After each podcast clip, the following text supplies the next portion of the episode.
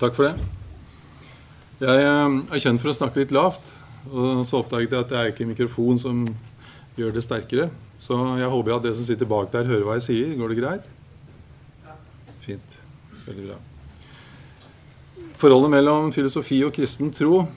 Eh, det er tre spørsmål som jeg tenkte jeg skulle se litt nærmere på. For det første, hvordan er denne relasjonen å forstå? Hvordan bør vi forstå den? Det er det første. Og så Det neste spørsmålet det er hvilken nytte man kan ha av filosofi når man er kristen. Og det tredje vil, er kristen tro en ressurs, eller er det et hinder for å utøve god filosofi?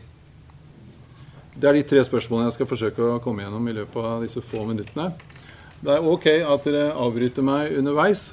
Det er sånn jeg pleier å ha mine forelesninger ved Universitetet i Oslo, Universitetet i Agder. Så det er helt fint om dere avbryter meg. For ofte så er det sånn hvis man venter til slutt, så husker man ikke helt uh, hva det gikk på. Så veldig fint, det.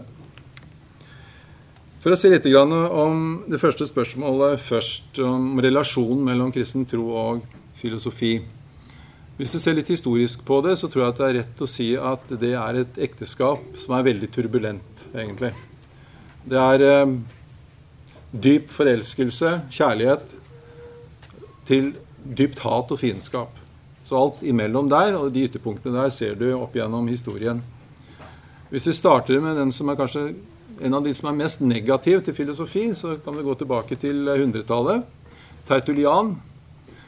Han mente at uh, filosofi var skadelig for uh, teologien, altså den delen av uh, kristen tenkning som tar for seg disse trosoppfatningene vi som kristne har. Så det er en ganske Eh, negativ holdning. Og han var jo klar over at det kunne oppstå konflikt mellom filosofi og kristen tro. Og da skulle man bare se bort ifra filosofien. Det spilte ingen rolle hva filosofien kom med, egentlig, for det var troen, kristentroen, som hadde sannheten. Så det er den ytterste på den ene siden. Men så har vi det som man kan kalle for en, i hvert fall en forelskelse. Og den finner du hos Augustin som eksempel på det. Han mente at eh, filosofien kunne gjøre teologien Eller skjøte på de manglene som teologien hadde. Nå er det ikke noen mangler i forhold til forståelsen av frelsen, eller noe den retning, så man trengte ikke filosofien for å bli frelst. Det er ikke sånn. Men eh, sånn som jeg forstår Augustin, så trenger vi tenkning i tillegg til det som åpenbaringen gir oss, for å kunne danne det vi i dag kaller for et livssyn. Så hvis du skal ha et helt livssyn, så tar du en veldig mye annet enn det du finner i åpenbaringen. Så det ligger en viss frihet utover det. Så hvis du skal ha et komplett livssyn, så trenger du filosofien i tillegg hvis du skal gjøre det på en profesjonell måte. Og det er et syn som eh, ligger veldig nært opp til det som jeg selv har. Men han sier også at filosofien eh, må da være forpliktet på den åpenbaringen som ligger under. For du kan komme opp med en filosofi som er i motsetning til kristen tro. Og Det ser vi mange eksempler på opp igjennom i filosofiens historie og i teologihistorien.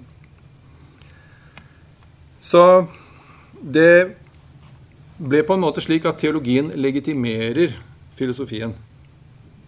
Og Hvis den ikke hadde noen legitimitet fra teologien, så var egentlig filosofien også bortkastet. Det er i hvert fall et, en ting som man kunne trekke som en følge av Augustins syn. Augustins syn ble forsvart av mange teologer og filosofer i middelalderen. En annen stor filosof i middelalderen var jo Thomas Aquinas, som levde i høymiddelalderen på 1200-tallet. Og Han har egentlig en litt annen modell enn det Augustin hadde. Han mente at eh, filosofi og teologi hadde to forskjellige prosjekter på gang. Så teologien hadde helt innen forankringen i åpenbaringen, og på en måte godtok åpenbaringen i en form for lydighet til en autoritet, nemlig Gud. Mens filosofien kunne ikke ta et slikt utgangspunkt. Filosofien måtte helt og holden forholde seg til de ressursene vi har som mennesker. Vår sansning og vår fornuft. Det som eh, Aquinas eh, og middelalderfilosofene kalles lumen naturale, altså det naturlige lys som man har. Helt uavhengig av åpenbaringen. Så var det også slik for Thomas Aquinas at det fantes et overlappende felt der i forbindelse med f.eks. For sånne spørsmål om Gud eksisterer. Da kunne man erkjenne Guds eksistens ved hjelp av de naturlige ressursene, altså ved hjelp av filosofien, men også gjennom teologien. Så det fantes et overlappende felt der. Men eh, Thomas Aquinas var jo også klar over at det kunne oppstå konflikt mellom det som filosofene sa, eller filosofien sa, og det som teologien sa. Hvordan skulle man løse det? Jo, Thomas Aquinas sin holdning til det var at eh, et eller annet må være feil. Fordi hvis teologi og filosofi har sannhet, så kan ikke det være noen motsetning i det. Der enten er det filosofen har gjort en feil, eller så er det teologen som har gjort en feil. Fordi Gud står jo bak skaperverket. Og så lenge man forholder seg til det som Gud har skapt, og forsøker å forklare det, forsøker å forstå det, så kan det ikke være noen motsetning. For Gud er én, og all sannhet kommer fra Gud. Det er den holdningen som eh, Thomas Aquinas eh, eh, antok. Eh, hvis man skal se sånn filosofihistorisk på det, så ser man altså at det er eh, noen som mener det, og andre som mener det. Så filosofien er på en måte en utfordring for teologien. Vi ser at mange teologer opp gjennom historien har trukket veksler på filosofien. Og vi har også sett at mange filosofer har trukket veksler på teologien. Så jeg skal komme litt tilbake til det, hvordan eh, det kan være en ressurs da, for filosofien også. Eh, I dag, hvis vi ser hvordan det er i dag, så har vi fått en renessanse for kristen filosofi. Den har liksom kommet opp igjen med full tyngde og noen kaller det altså en renessanse. Den startet ganske stille. På slutten av 60-tallet, utover 70-tallet, så ble det flere og flere kristne som sto fram som filosofer. Eh, det var ganske uhørt eh, noen tiår tilbake i tid før det, for da var eh, filosofien nesten fri for guddommelig snakk, for å si det sånn. Gud var bannlyst. Så i hvert fall innenfor den tradisjonen som jeg har vært mest opptatt av, nemlig analytisk filosofi, så har det vært slik.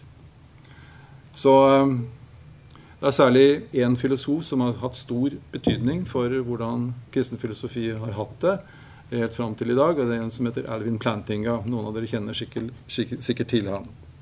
Han er en av de. Det er også andre. Um, jeg snakker gjerne om de tre musketerer. og Det er Plantinga, Alvin Plantinga, for de som er interessert, så kan dere kikke på han. En, en andre er Swinburne, Richard Swinburne. Og den tredje er William Lane Craig. Alle disse tre filosofene eh, finner dere på YouTube hvis dere søker litt der. Så et eh, nyttig sted å starte hvis dere er interessert i kristen filosofi, er å starte med et studium av disse tre filosofene. De har stor innflytelse i dag og er ganske synlige i det filosofiske landskapet, og også ut i massemediene. Eh, jeg kan si litt om det. Plantinga kommer fra en reformert tradisjon. Han tilhører den reformerte kirke. Eh, Swinburne tilhører den ortodokse kirke. Craig tilhører, den, tilhører baptistkirken. Så det er altså et konfesjonelt ganske spredt eh, bidrag. Men i filosofi så går man ikke inn i sånne konfesjonelle forskjeller i særlig grad. Det er opptatt av de filosofiske spørsmålene og hvordan kristen tro forholder seg til det. Eh, så studiet av disse er ikke bare et studium i kristen filosofi, men også et studium i apologetikk. Så de er apologetiske i den forstand, noe all filosofi egentlig er. Det er ingen nøytral filosofi. Eh, de tar standpunkt, enten for og mot, og de forsvarer det standpunktet de har tatt. Enten det er for Guds eksistens eller mot Guds eksistens. Og i ny forstand så er, det, er vi apologeter alle sammen. Når det gjelder eh, apologetikk, så er faktisk, eh, som jeg sier, det en del av det å drive filosofi. Derfor så får eh, filosofien, i hvert fall når du tenker på kristen filosofi, en betydning for kristen tro. Så ved å studere disse her, så får du altså et input i forhold til det å forsvare den kristne tro gjennomtenke den, selvfølgelig. Så allerede der så ligger det et, eh, en god motivasjon for å nærme seg kristen filosofi. Jeg vet jo det at det er ikke alle som ser positivt på filosofien i dag. Men eh, den har fått større og større positiv omdømme, for å si det slik. Fordi man ser at det er kristne som utøver det man kaller for kristen filosofi. Men veldig lite uh, Hvis du tenker sånn 100-200 år tilbake og ser på den filosofi som har blitt drevet av, så er det veldig lite av det som egentlig er kristen filosofi. Veldig ofte så har det vært ateister. eller i hvert fall uttrykt sin ateisme i filosofiske termer.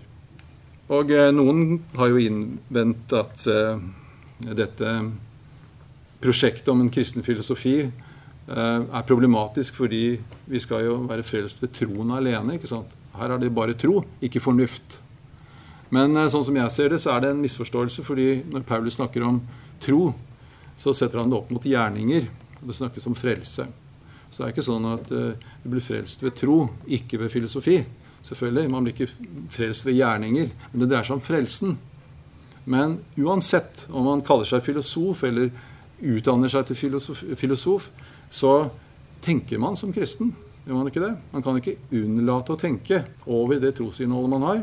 Og dermed så er man innenfor den aktiviteten som filosofer holder på med hele tiden, nemlig tenkning. Så det å gå inn i filosofien er jo bare å gjøre dette mer reflektert, dypere og mer avklart.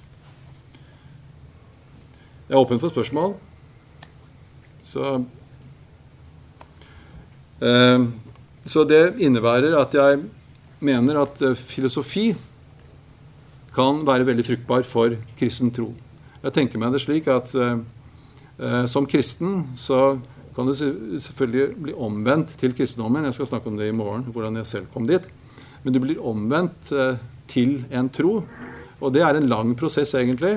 Men den går ikke bare på hva du gjør, men også på hva du tenker, hvis du skal trekke et sånt, sånt skille. Så en helliggjørelsesprosess den innebærer ikke bare et eller annet annet enn tankene, men inkluderer også tankene. Så kristen filosofi er et kraftig verktøy til å forandre den måten du tenker på. Og Da tenker jeg i tråd med det som jeg tror Paulus eh, har i tankene. Kanskje ikke på den måten som jeg har det, men i hvert fall så kan man anvende samme tankegangen, nemlig at de tar enhver tanke til fange under lydighet mot Kristus. Så det er det som er kjernen i en kristen filosofi. At du setter opp noen forutsetninger for den filosofien du gjør, og det er Kristus. Det er, det, som gjør forskjellen. Og Det betyr bl.a. også at uh, du trekker inn alt det du mener er sentralt i kristendommen, setter opp det som påstander, og på en måte sier at disse påstandene her, de vil jeg ikke forandre på. Dette holder jeg fast. Men ikke bare det, men det er også andre ting innenfor filosofien som du holder fast. Inntil videre. Og så danner du et prosjekt. Og det prosjektet kan man da kalle kristen filosofi. Man forsøker å skape en kristen filosofi ut ifra de forutsetningene. Man har ingen garanti for at det fører fram, det kan hende at dette fører til en selvmotsigelse, eller at det fører til dårlig filosofi. Og da må man da oppgi det prosjektet. Men som jeg sa, vi har en renessanse for kristen filosofi. Og det betyr at dette prosjektet går veldig bra. Det går veldig bra. Så det man trodde var liksom fjernet fra filosofien, nemlig gudstro, dette her, det er, på fullt, det er fullt inne igjen. Og man kan utvikle en kristen filosofi og ta vare på alle de sentrale trosoppfatningene man knytter til kristen tro. Det er ganske fantastisk. Ja. Jeg syns det var interessant det du sa når Akinas mente at filosofien måtte forholde seg til de ressurser vi har tilgjengelig som mennesker. Og så var Augustin litt motsatt. Nei, vi må bare akseptere at dette er en helt annen kategori, og vi er lydige mot en åpenbaring. Da bare lurer jeg på hva la han i åpenbaring da? For som jeg har tolka ting, så er åpenbaring Mennesket har en ressurs i seg til å ta stilling til Gud på en eller annen måte. Det blir feil å si at uh, du ikke har en menneskelig ressurs til å ta stilling til Gud. Det er ikke mm. tro, som jeg har snakket om andre Nei. steder her. Riktig. Men kan du si litt mer om hva mm. mente de egentlig om forholdet mellom ja. åpenbaring mm. i forhold til det der med menneskelige ressurs, ressurser versus Riktig. nødvendig inngripen fra Gud, da, mm. for at man skal forstå? Fint. Ehm, jeg tror det er viktig å trekke et skille mellom hva som er kilden eller grunnlaget for den tenkning som gjøres, enten innenfor teologi eller filosofi. Hvis du tenker sånn tomistisk, så er tanken den at teologien bygger på åpenbaringen. Så det er inputet. Det kommer fra åpenbaringen. Ehm, når det gjelder input for filosofien, så er det noe du oppdager ved din fornuft og din, ved dine sanser. Så det er inputet. Det er to forskjellige kilder, egentlig. Men utover det så er det helt likt. For den ressursen du nevnte også, var jo den måten vi tenker. Vi er fornuftsvesener, vi er skapt som det. Den kommer til anvendelse på lik monn i begge deler. Så metoden for Thomas Aquinas er helt identisk, enten man driver filosofi eller driver teologi. Man bruker argumentasjon, men premissene hentes forskjellige steder. Så det er viktig for Thomas Aquinas, det poenget der. Ja. Ja, men Jeg bruker på sånn uh, argumentasjon for Guds eksistens, da. Uh, for et kristent ståsted. Kom på det når du nevnte de sofaene her, da. Så møter ofte i samtaler med ateister da, at de kristne har bevisbyrden på seg. Til, altså, de må bevise det. Eh, men fra et filosofisk eh, ståsted er det sånn at ut ifra det vi ser, så finnes det ikke noe naturlig? Eller må begge parter argumentere for sitt ståsted? Sånn som jeg, altså Det spørsmålet er jo hvem som har bevisbyrden. Er det de som er kristne og tror på Gud? Er det de som liksom skal bevise sin tro? Eller er det de som er ateister, som mener at Gud ikke finnes? De kan liksom frikjenne seg da, den byrden. Men eh, hvis du ser filosofisk på det, så påstår begge parter noe. Det er de som står midt imellom, som ikke har tatt stilling, som egentlig bare innrømmer at ja, nei, jeg har ikke ressurser nok, jeg har ikke kommet langt nok til å ta stilling, så jeg er helt åpen, egentlig. Så langt. Men eh, de kan frakjenne seg med den beklagelsen. Men hvis du har tatt et standpunkt, enten du er ateist eller kristen eller teist eller en annen religion, da, så har du i, i kraft av å se filosofisk på det en begrunnelsesbyrde. Ikke bevisbyrde i strengt forstand, for du kan ikke bevise noe her, tror jeg. da. Så, men en argumentasjon for det standpunktet du har landet på, det kan ikke være helt irrasjonelt. Det bør jo ikke være det. Hvis ateisten sier at den ikke har noe bevisbyrde, så sier man at jeg har ikke noen argumenter. Og jeg trenger ikke noen argumenter. Vel, da, er det blind tro. For de har jo et standpunkt. Så hvis man da vender dette mot kristne, at de, de ikke har noen begrunnelse, og sier at det er en blind tro, så er jo nettopp det de ateistene som da sier at de ikke har noen begrunnelsesbyrde, innrømmer selv at de har en. De har en blind tro. Det er ingen begrunnelse for dette. Jeg kan tro hva jeg vil om det, og uten å begrunne noen ting. Selvfølgelig er det ikke sånn. I filosofien så påstår du noe. Og du må se alle disse enkeltpåstandene i en sammenheng. For det kan godt tenkes at ateisten mener at Gud ikke eksisterer, men det er bare en liten del av det livssynet som uttrykkes. Som ligger bakenfor den påstanden. Det er veldig mye annet som kommer, og som knytter seg til spørsmålet om Gud, ikke Gud, på. Og så Det som er interessant, er bare å spørre hvorfor mener du det? Hvorfor har du landet der? Hvorfor har du landet i det hele tatt? Og Da kommer det opp en rekke andre påstander som knytter seg til det. Kanskje det er forklaringer på hvorfor man har kommet fram til det. Nei, jeg har ikke hatt noe behov for å tro på Gud. Ja, Hvorfor mener du at du bør bare være tilfreds med det? At det, at det er et legitimt behov eh, som du mangler? da. Det er legitimt å ikke ha det behovet. Eksempel, har det ikke en betydning at Gud eksisterer? En rekke sånne spørsmål kan man stille og gå inn i en filosofisk analyse. Da ser man at det kommer fram masse påstander som knytter seg til, og som indirekte begrunner det standpunktet vedkommende har tatt. Det fremstilles kanskje som en forklaring, men det er i neste omgang en begrunnelse hos denne personen. Så hvis man ikke har noen grunn, man ser at dette er en irrasjonell grunn, så, så, man, så er man altså irrasjonell da, i sin ateisme. Og det kan jo gjelde også kristne, at de er irrasjonelle i sin tro. De kan ha rett, og det kan ateistene også, sånn i utgangspunktet, ha rett, men de er ikke rasjonelle i det de tror. Så dette med bevisbyrde, begrunnelsesbyrde, det, er, det, virker litt for meg malplassert, da, fordi du har et eller annet standpunkt, og du ønsker å begrunne dette hvis du er rasjonell. Og så lenge du har et standpunkt, så det, sier du vel egentlig at du har landet et eller annet sted. da. Og da bør man jo ha en begrunnelse for det. Det er den umiddelbare, i det umiddelbare kravet man har innenfor filosofi. Du skal begrunne det standpunktet du har. Og Hvis du ikke kan begrunne det, så er det altså ubegrunnet, og dermed så blir det irrasjonelt. Uh,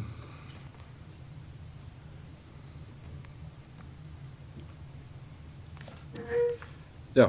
eh, gå litt videre. Det er jo eh, det er jo mye kritikk som uh, gis fra filosofisk hold i dag. Daniel Dennett uh, er jo en kjent filosof som har gitt en kritikk av religion og kristendom. Sam Harris er en annen filosof. Og tidligere så har det vært en filosof, en australsk filosof som heter John Mackey. John Mackey er også en veldig god filosof. Daniel Dennett er også en god filosof, selv om han er veldig radikal. Så det er ikke noe feil med med deres filosofi sånn i utgangspunktet sånn kvalitetsmessig. Uh, Sam Harris er jeg litt mer i tvil om, men ok.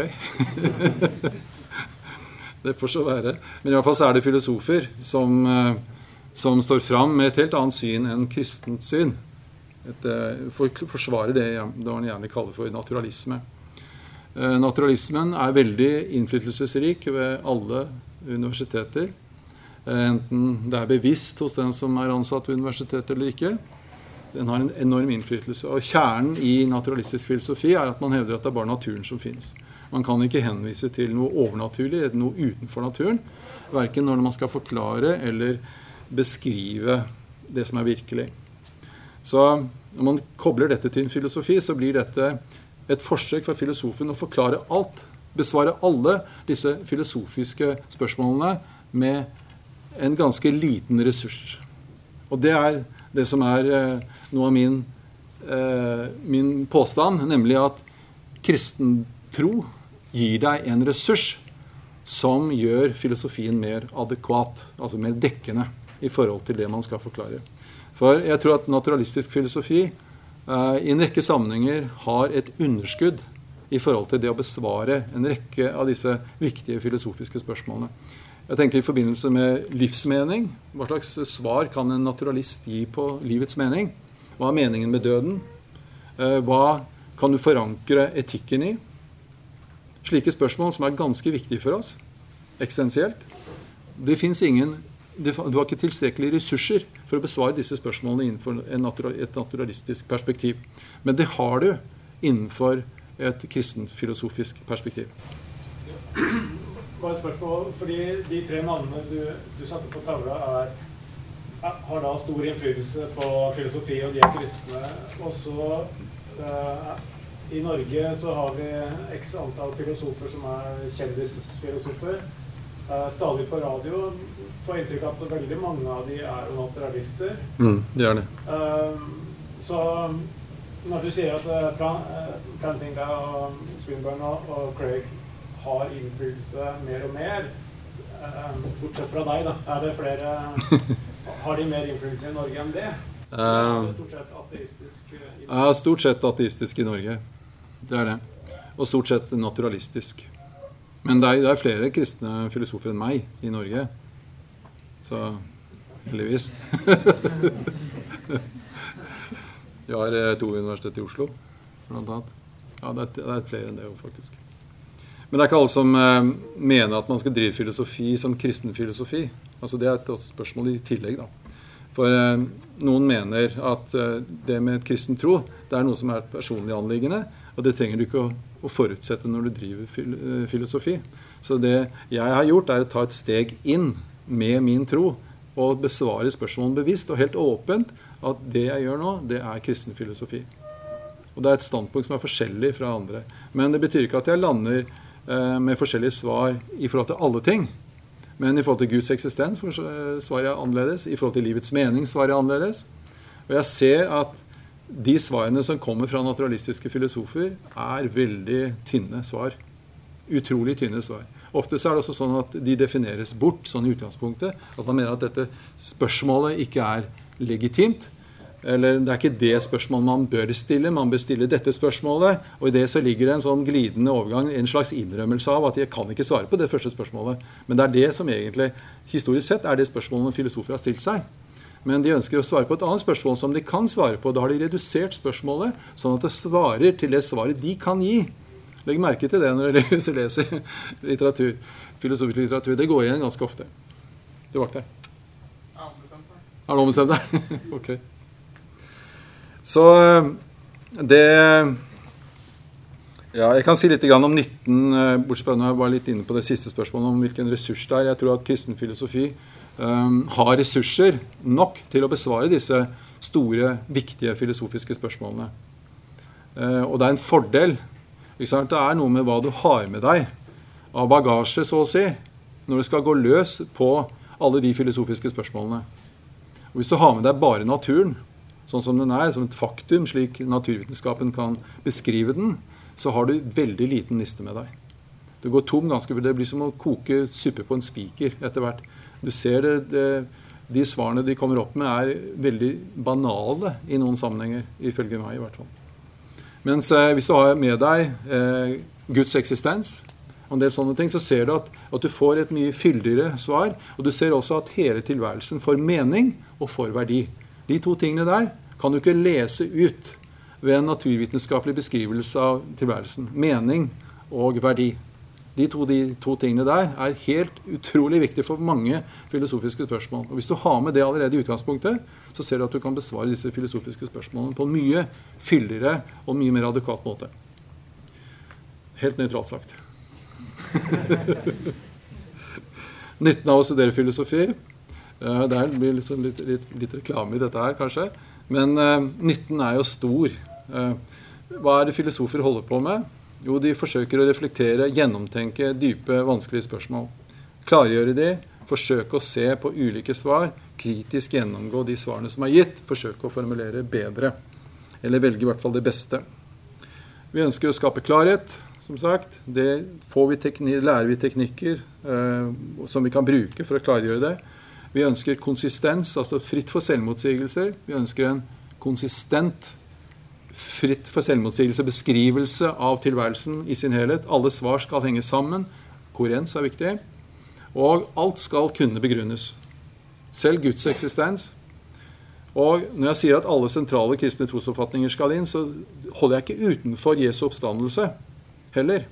Det ville Thomas Aquinas gjort. Det sier at det er teologiens område, ikke filosofien. Jeg sier nei. Nei da. Ha med deg hele din kristne tro, alle disse sentrale, så se om du klarer å skape en filosofi ut ifra det. Og det er det som kommer fram i den prosessen der, som begrunner om du kan ha den stående der. Ikke først, sånn som disse tradisjonelle filosofene har tenkt, at man først skal begrunne Guds eksistens, og så får liksom Guds eksistens tilgang til din filosofi. Så kan du gå løs på eh, Jesu oppstandelse, og så kan du putte det inn etterpå. Nei, putt inn alt sammen med en gang. Du starter med det du har. Det livssynet som du har, for det gjør alle andre filosofer også. Naturalistene sier at det er bare naturen som eksisterer. De har ikke et fnugg av bevis for det. Det er en ren, nesten en blind tråd. Det eneste som eksisterer, er naturen. Hva slags argumentasjon kan man etablere for det? Jeg har ikke sett et eneste bevis, ikke noe i nærheten av et bevis. Men det er en forutsetning som naturalisten gjør for alt filosofisk arbeid. Det er en forutsetning som gjøres. Og Hvis man da skal gi en helhetsbeskrivelse eller en forklaring av tilværelsen i sin helhet, så ser man at den forutsetningen der, den sanerer veldig mye. Okay. um, et naturalistisk hold så vil en kunne uh, angripe kristen filosofisk standpunkt og si at, at, du forutsetter Guds eksistens. Og så vil man slenge tilbake ja, men du forutsetter at Gud ikke eksisterer. Så dermed så kommer man jo aldri fram til noe. Jo, det, det, jeg, jeg, skjønner hva du mener. Og det er Tradisjonelt så har man hatt den debatten gående. Du bare forutsetter det, jeg forutsetter det, og vi kan ikke komme noen vei med det. Nei, jeg sier at hvis du skal teste ut hvorvidt Gud eksisterer eller ikke, så må du plassere det inn og se hvordan dette passer inn med alt annet. Og hvilken ressurs som ligger i det i forhold til mening, forståelse, verdi. Du ser du kommer ut med en helt annen helhetlig beskrivelse av tilværelsen. Hvis du antar at Gud eksisterer. Tar du det bort, så ser du at veldig mye av dette rakner, og du får igjen et flatt univers. Ja? Hvordan skiller det seg fra et sånn nytteargument for Guds eksistens? Fordi det blir det best fungerende livssynet, derfor er det sant. Er det holdbar argumentasjon for Det er den samme argumentasjonen Det blir ikke helt som du sa, men det er den samme argumentasjonen som du har i forhold til vitenskapelige teorier. Innenfor astronomi for eksempel, så kan man argumentere for én eh, modell av universet til en annen modell av universet. Alt dette må passe inn med erfaringer, observasjoner. Jeg mener at alt vitenskap er inne i dette virkelighetssynet som jeg forsøker å skape og som filosofer forsøker å skape. Så det er ikke sånn at jeg sier nei til vitenskapen, naturalistene sier ja til det. Det går ikke der i det hele tatt. Nei. Det er de filosofiske eh, påstandene som kommer i tillegg til det, som må begrunnes og bli stående i forhold til dette her. Så det jeg sier, er at eh, når du har en teori som forklarer tilværelsen på en bedre måte enn en alternativ teori, så velger du den som forklarer den best. Og hvis du kan forklare det enklest også, så har du enda et pluss. Så det er sånne kriterier utover observasjoner som blir avgjørende for om man velger det ene eller det andre. Og totalt sett så er det er sånn totalvurdering av hele teorien, og da tenker jeg hele livssynet, som blir en sånn filosofisk altomfattende teori. Og hvis den kommer bedre ut i forhold til disse kriteriene som man bruker innenfor naturvitenskap allerede, så bør man velge det. Og mitt argument er at en kristen filosofi er en slik helhetsforklaring som kommer bedre ut, langt bedre enn det en naturalistisk filosofi gjør. Tilbake der. Hva sa du? ok. Du snakker om at uh, kristen filosofi er en god ressurs for uh, å f.eks. mening og verdi Ja. uh, og sånne ting. Uh, men så er det jo noen naturalister som går hele veien i sin naturalisme og sier at det ikke finnes noe sånt Mm. som mening og verdi. Og da faller på en måte det argumentet for Gud for de da. Og så lurer jeg på om det finnes annet slags filosofisk argument for at det finnes mening og verdi annet enn en Gud. Men i så fall så hadde det kanskje vært en misforståelse. Eh, Det finnes et eh, Det er noe som kalles forklaringskraft. Eh, Igjen et kriterium vi henter fra naturvitenskap.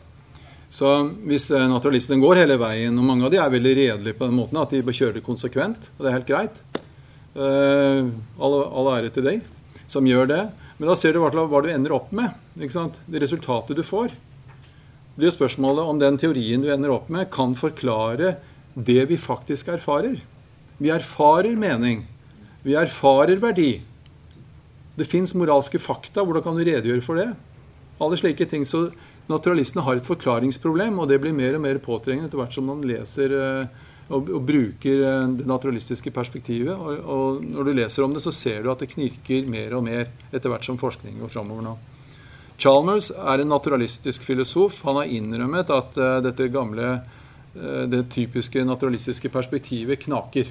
Så vi kan ikke Det er i forbindelse med bevissthetsfilosofi, sinnsfilosofi, som, eh, som han viste. Du kan se forresten på TED Talk, hvor han har et innlegg om akkurat dette her. Hvor han innrømmer faktisk det. Så jeg tenker at det, Dette er bare ett eksempel, men hvis du tar hele tilværelsen, hvordan kommer resultatet ut? Med hensyn til forklaringskraft, enkelhet, kan du ivareta menneskeverd, alle slike ting? Kan du ivareta livsmening? Hva er meningen med døden? Alle folk stiller jo disse spørsmålene. Må man gå i terapi for å, for å forholde seg til døden? ikke sant? Prøve å synes at det er bra at det ikke fins noen mening? Jeg mener det er en litt dårlig, dårlig taktikk. Det er mye bedre å se på om det kanskje fins en mening med døden. da, Om det fins en mening med livet. Og hvis det fins en filosofi som tilbyr det, vel, hvorfor skulle man si nei til det? Men prisen er Guds eksistens, og det er vanskelig å, å svelge. da. For de som ikke tror. Eh, En, en kollega av meg er ateist. Han, eh, han innrømmer at eh, ja, du, dere kristne har, har en fordel. For dere klarer å kombinere skapelse, altså hvor alt kommer fra, pluss mening med tilværelsen. Og den der kombinasjonen der er sterk. Og jeg er helt enig med han selvfølgelig. Men, eh, men han tar ikke det standpunktet da og så sier at Gud eksisterer. Men, ikke sant? For det, det er et langt sprang. Du må akseptere at Gud eksisterer, og det er, det er en ganske stor uh, sak å si ja til det. Men det er ikke noe vanskelig å se filosofisk at hvis du gjør det, så vil dette føre til en helhetsforklaring, et livssyn, som står mye sterkere. Du får et rikt univers, rikt nok til å redegjøre for eh, disse store filosofiske spørsmålene. Men ikke så rikt at det blir fantasi å ut av det. altså ikke sånn. Ja. Jeg har hørt noen teologer som bruker Romerne 1 til å argumentere for at de egentlig ikke tror at det finnes dypest sett noen ateister. Fordi den naturlige åpenbaringen er sånn at eh, du kommer ikke utenom det på et dypt hjertenivå. Så kanskje det intellektuelt sett så, så har du en sterk overbevisning, men når du ligger der døden når og er på vei ned i et fly som holder på å styrte, og du ser døden i hvitøyet, så er det mange som da på en måte kommer til den erkjennelsen eller roper på Gud, eller det er vel noe forskning på det. Har du noe synspunkt rundt det der? Hva tenker du om det? Jeg har ikke drevet noe forskning på det, men eh, jeg tror jo at eh, når ateister sier at de ikke har noe behov for disse tingene, og, eh, og mener det ærlig at de har ikke noe sånn skjult tro, så tror jeg vel at de snakker sant. da. Jeg, jeg tror det. Eh, Jeg tenker på sånn som Chris- Christopher Hitchens, som døde av kreft for noen år siden. Eh, Jeg tror at han, eh, han ikke var troende. Jeg tror at han døde som ateist, og overbevist ateist. Jeg tror det i hvert fall. Ja. Det jeg snakker om, går egentlig på dypere nivå enn det. Det går, Ja. det går på det mer ubevisste. Det Ja. ikke hva du liksom bevisst eh, vedkjenner deg. Mm. Det går på eh, Hvis du kommer i en livssituasjon der du ser døden i hvitøyet, så er det mange som da Kommer det fram noe som du ikke vet om? Ja. Noe du ikke egentlig Mm. vet selv, ikke sant? Fordi mm. ånden i mennesket går dypere enn intellektet. Liksom. De bruker Ja. antropologi da, Ja. for å argumentere for det. Men jeg tror at det kanskje gjelder uh, en god del mennesker, men det er så vanskelig å si at det gjelder alle. da. Um, Jeg vet ikke om jeg kan se noen sånn sterk argumentasjon for det ut fra romerne igjen heller. Men at vi har en erkjennelse av det i utgangspunktet. Men eh, synden er jo også en del av romer, romerne igjen. Hvor eh, eh, de holder sannheten nede i urett. Altså det er synden på en måte som formørker. Men det er sånn, mitt syn på apologetikk er knyttet nøye opp til romerne igjen, egentlig. Fordi jeg tror ikke at eh, Det er veldig viktig med apologetikk, bare for å si det før jeg sier noe mer. Veldig viktig med apologetikk, veldig viktig med filosofi, veldig viktig med argumentasjon der det trengs. Men det er ikke det egentlig som stenger folk. Men det kan være en del av det.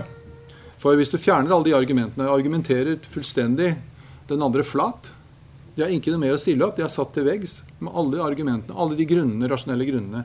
Men de fortsatt så klarer de ikke å tro. Og det er der apologetikken Så langt kan apologetikken føre et menneske. Vi har vært igjennom den prosessen skal jeg snakke om i morgen. Eh, Men hva gjør du da, liksom? Nå har Du ingen, du kan jo ikke skjule deg bak og si at det er mest rasjonelt. Jeg er så fornuftig, så jeg kan ikke tro at Gud fins. Jeg kan ikke bli kristen, for jeg er så fornuftig. Den holder ikke lenger. Og den er veldig viktig å fjerne den, for da begynner man å se sannheten. Det er noe med meg. Det er noe med mitt hjerte. Det er der det ligger, egentlig. Men det blir ikke synlig før du har fått brukt filosofi og, og apologetikk. i Derfor er det så viktig å føre fram til, til sannheten om deg, så du kan overgi deg. Tilbake til. Eh, er det ikke sånn at man sier at Gud eksisterer fordi man ikke kan se Gud? Og Noen sier det, ja. Er det også det at den, den ting man ikke kan se, er jo blant annet tanker? Riktig, man kan ikke se tanker. Er. Mm, vi vet det. Så jo, jeg har hørt det argumentet der. Jeg kan ikke se Gud, så hvor er Gud, liksom? Eh, men de antar jo veldig mye de eh, ikke ser, da. Bare du snur deg, så ser du ikke det som er bak deg, f.eks. Ja, ja, men det kan jeg se hvis jeg snur meg tilbake. Ja, ja, Men hva med historien, da? Hele historien, ser du den, liksom? Det er veldig mye, mange eksempler man kan gi på det, da. Og eh, det er i hvert fall ikke en vitenskapelig holdning. For veldig mye abstrakte begreper inngår i all forskning, naturvitenskapelig forskning, og det er ikke synlig. Tall, en del sånne abstrakte entiteter. Ja. Når du driver med filosofi, må på en måte ditt livssyn og din kilde kunne svare på alle filosofiske spørsmål? Eller kan du bare si at eh, nei, det er irre, irrelevant for mitt livssyn? Eller er det dårlig filosofi? Jeg bare si at man liksom Nei, det gidder jeg ikke svare på. Eller det, er- det er irrelevant. Eh, nei, det er irrelevant for mitt, for mitt Det er vanskelig å si at det er irrelevant, tror jeg. Men, eh, men eh, hvis du ikke kommer opp, opp med et eksempel Nei. Men det vil jo selvfølgelig være eh, noen ting som knytter seg som spørsmål som knytter seg til et naturalistisk perspektiv, og bare det. Og da er det ikke relevant for meg, bortsett fra at jeg ønsker å forstå det naturalistiske perspektivet. Da. Så på den måten så er det relevant indirekte, men det er ikke noe som har betydning for meg, for det problemet er løst, f.eks. Så hvis du har et svar på det, og eh, de spørsmålene som dukker opp hos naturalisten som, som egentlig kommer i veldig forlengelsen av naturalismen, så, så er det ikke det så interessant for meg.